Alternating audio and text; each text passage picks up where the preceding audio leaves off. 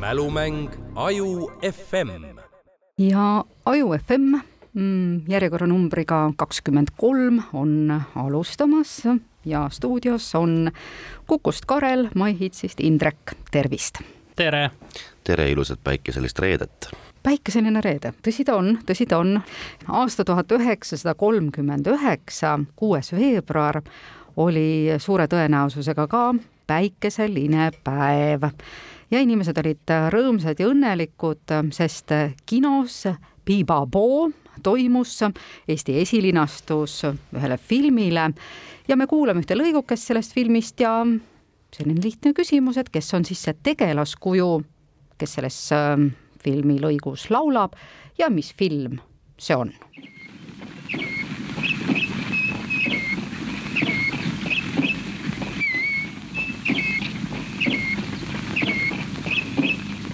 Da da da da yum bum bum da da da da da dum bum bum da da da da da yum bum bum da yum bum bum da da da da da yum bum bum da da da da da yum bum bum no nii. keegi sõitis rongiga, mulle tundus, ja ümises viisikest. film linastus Nõukogude Liidus mm, neljakümnendal aastal ehk siis aasta hiljem oli väga populaarne ja olevat väidetavalt isegi üks Stalini lemmikfilme olnud. tõsi mm. -hmm. Stalini lemmikfilm, aga see on ikkagi välismaa film, see ei ole ju vene film, eks see on välismaa film. ja, ja, sest muidu talle meeldisid mingi lõbusad semud või midagi sellist, mida ta vaatas, tal oli oma kino ju, tal oli oma kino ja ta vaatas filme järjest-järjest üle ja sundi, sundis ka oma poliitbürood seda tegema ja magama jääda ei tohtinud. aga, aga see kõik toimus niimoodi, et, et enne seda oli suur jooming, eks ole. Mm, -hmm. Stalin ise kusjuures praktiliselt ei joonud ja talle meeldis vaadata siis, kui kõik jäid äh, joomaseks ja, ja hakkasid siis rääkima asju, mida võib-olla peaks. Ja kinos oli ka, ta nautis seda, kuidas siis inimesed hakkasid no, kuuendat korda mingit filmi vaatama ja magama jäid ja siis ta läks karistas neid. no nii ilus, sellest saaks lausa filmi, eks ole mm. -hmm. aga kuues veebruar tuhat üheksasada kolmkümmend üheksa Tallinnas Piibapoo kinos oli selle filmi Eesti esilinastus, tegelaskuju, kes siis laulab ja mis film see on ma vaatan, et Indrek kirjutas paberi peale päris mitu varianti üles, minul on ainult rongisõit siin kirjas no ma kirjutasin mõned äh, sellised äh, nimed, no ma tahaks kohe esimesena välja pakkuda Artur Rinne äkki äh, laulis Aga... välismaa film. välismaa film, jah, ütlesid jah või tähendab, jah, aga ikkagi ütlesin Artur Rinne, sest et tahtsin. Frank Sinatra mm,. aga aga miks mitte? me ei küsi äh, näitlejat, vaid tegelaskuju. tegelaskuju. keda ta mängis. millal see Tuulest viidud film oli, see on ka kolmekümnendate lõpul, eks ole. kuule, aga see ei pruugigi halb pakkumine olla üldse. Tuulest viidud oli väga populaarne film. ja, ja täpselt selline, mis sobib igasse aega jah, ja ta on ka muidugi oma olemuselt ju selline film, mida ka Nõukogude Liidus äh, võidi ju näidata, sest et seal ikkagi näitab, noh, orjandus on halb ja, ja, ja nii edasi, eks. Aga see tegelaskuju seal oli mm? -hmm. Oh. Mm -hmm. kaabuga mees. kaabuga mees filmist äh, Tuulest viidud. imeilus kaabuga mees, keda kõik naised endale soovisid. jah, keda siis mängis Clark Gable või? ei ma ei mäleta, ma pean häbiga tunnistama, et ma tegelikult ise ei ole seda Tuulest viidud mitte kunagi näinud ja ei ole ka hetkel plaanis.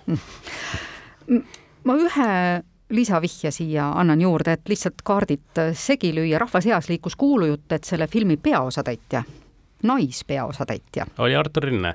tuleb ise Tallinna esilinastusele, aga sellel jutul ei olnud paraku alust Greta Garbo siis äkki oli naispeaosas, kuna ta on ju rootslane, tal oli lähedal tulla Ameerikast, on, annab, annab ikka kohale logistada ei, see ei ole ka õige tee, nii et äh, mängis siis näitleja oli äh, Fernand Gravi, praegu siin laulis ja ta mängis Johann Straussi ja see oli film Suur valss ja eestlased ootasid loomulikult Militsa Korjuste ennast. ja, ja nii siiski ei läinud, aga film oli kaua ekraanil ja noh, üllatus tõesti, et see võis olla Stalini lemmikfilm, eks ole, et mm -hmm. Ju suhteliselt äh, kapitalistlik rämps, peaks ütlema. jah, aga ega see, et inimesele meeldivad väärtfilmid, ei tee tast paremat inimest, nii et selles, selles osas ma suudan või noh, arvan, et me saame kokkuleppele. jah, koletised on armastanud ka kõrget maalikunsti ja muud seesugust, mis sinna teha ja ka koeri armastanud.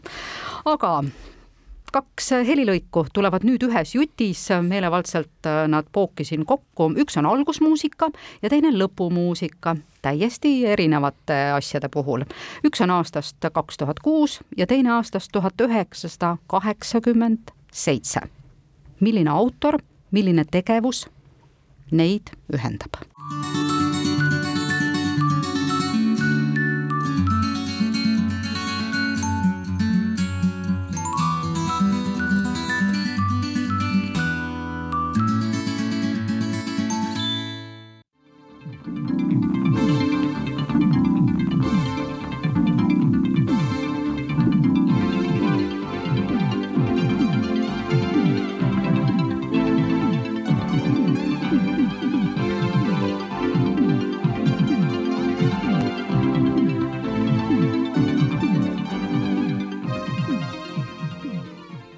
No me tahame saada animafilmide muusika heliloojad, ma arvan, seepärast esimene oli Lotte mm, -hmm. mis kõlas. esimene oli Leiutajate küla Lotte. kas teine oli Klaabu äkki või? võis olla, siis on. teine ei ole animafilm üleüldse. ah kohe viskan sellest rööpast välja igaks juhuks. aga küsitakse siis ikkagi muusika autorit või? Ma küsin autorit, ühte autorit, mis mõlema siis Ahah. teose puhul on tegija, ühel siis animafilm, teisel telelavastus judo poisid oli see ja Janno Põldmaa. jaa, no vot. ja ühendab neid kaht teost peale Janno Põldmaa, mis mm,.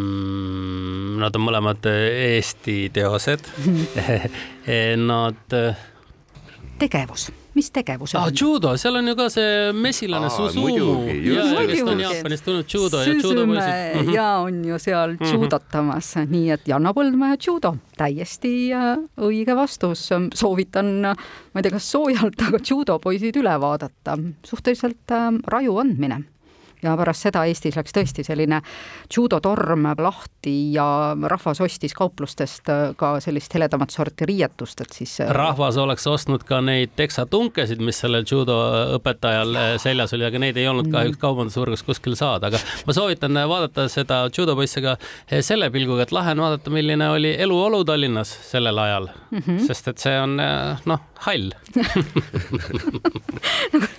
ja ühe muusikateose autor siis äh, oli Sven Grünberg ja teisel täpselt samamoodi tõeline mm, süntesaatori äss ja helilooja ehk siis Igor Kašnek. Aga kolmas küsimus. kuuendal veebruaril tuhande üheksasaja neljakümne viiendal aastal sündis Robert Nesta Marley ehk Bob Marley ja tema lugu I shot the sheriff on saanud väga erinevaid tõlgendusi rahva poolt ja isesugused lood käivad sellega kaasas, et kes siis laskis keda ja mis Bob selle kõigega mõtles ja kas nii ikka tohib üldse laulda ja, ja, ja nii edasi. aga kui me kuulame ühte lõigukest sellest loost, siis mõtleme, millise versiooni rääkis Bob Marley elust kajastavas dokumentaalfilmis tema kunagine kallim, kes enda sõnul teab täpselt, mida Bob mõtles, kui ta nii laulis.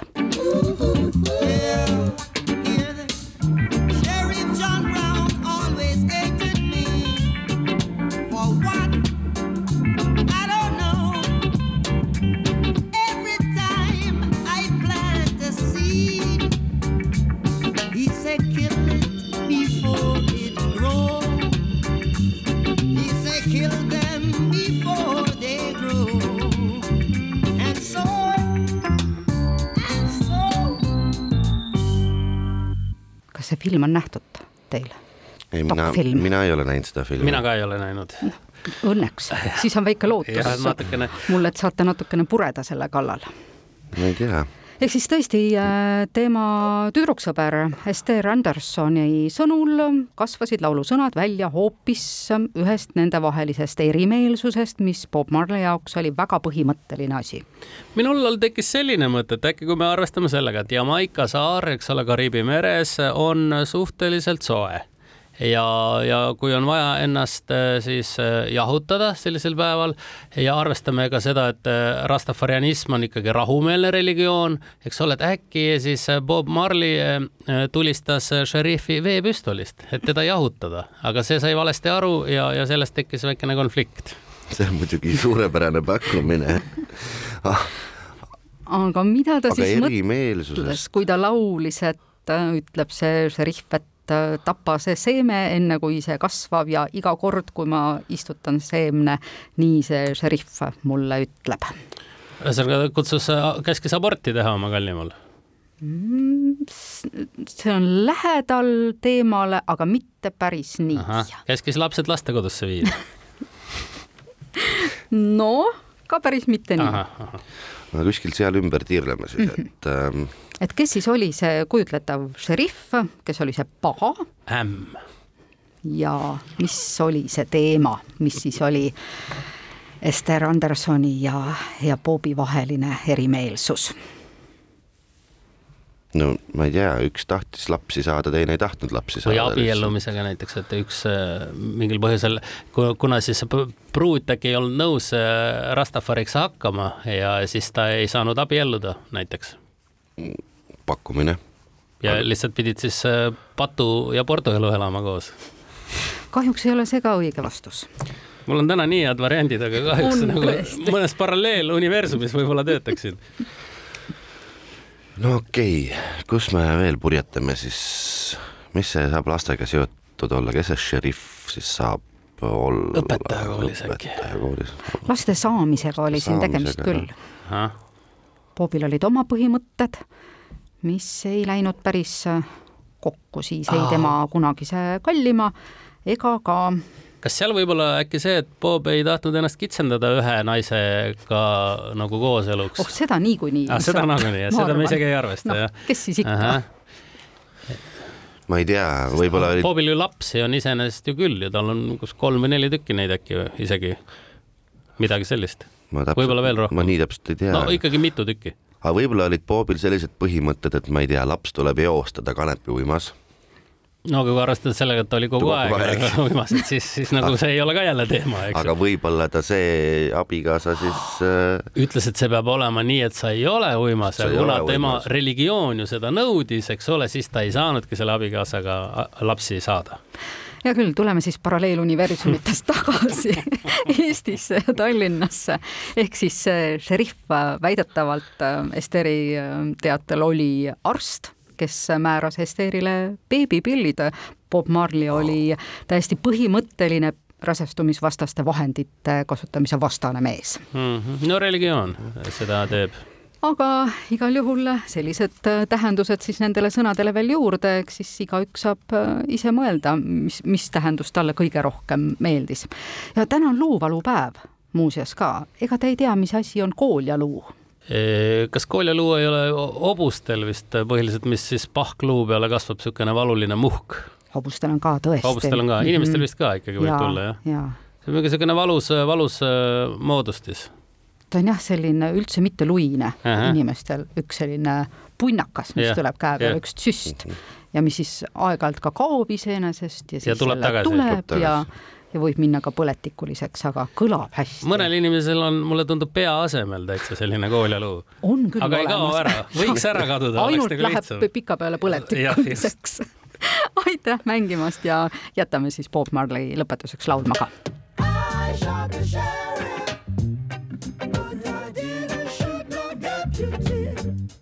Oh no, oh. I shot the sheriff,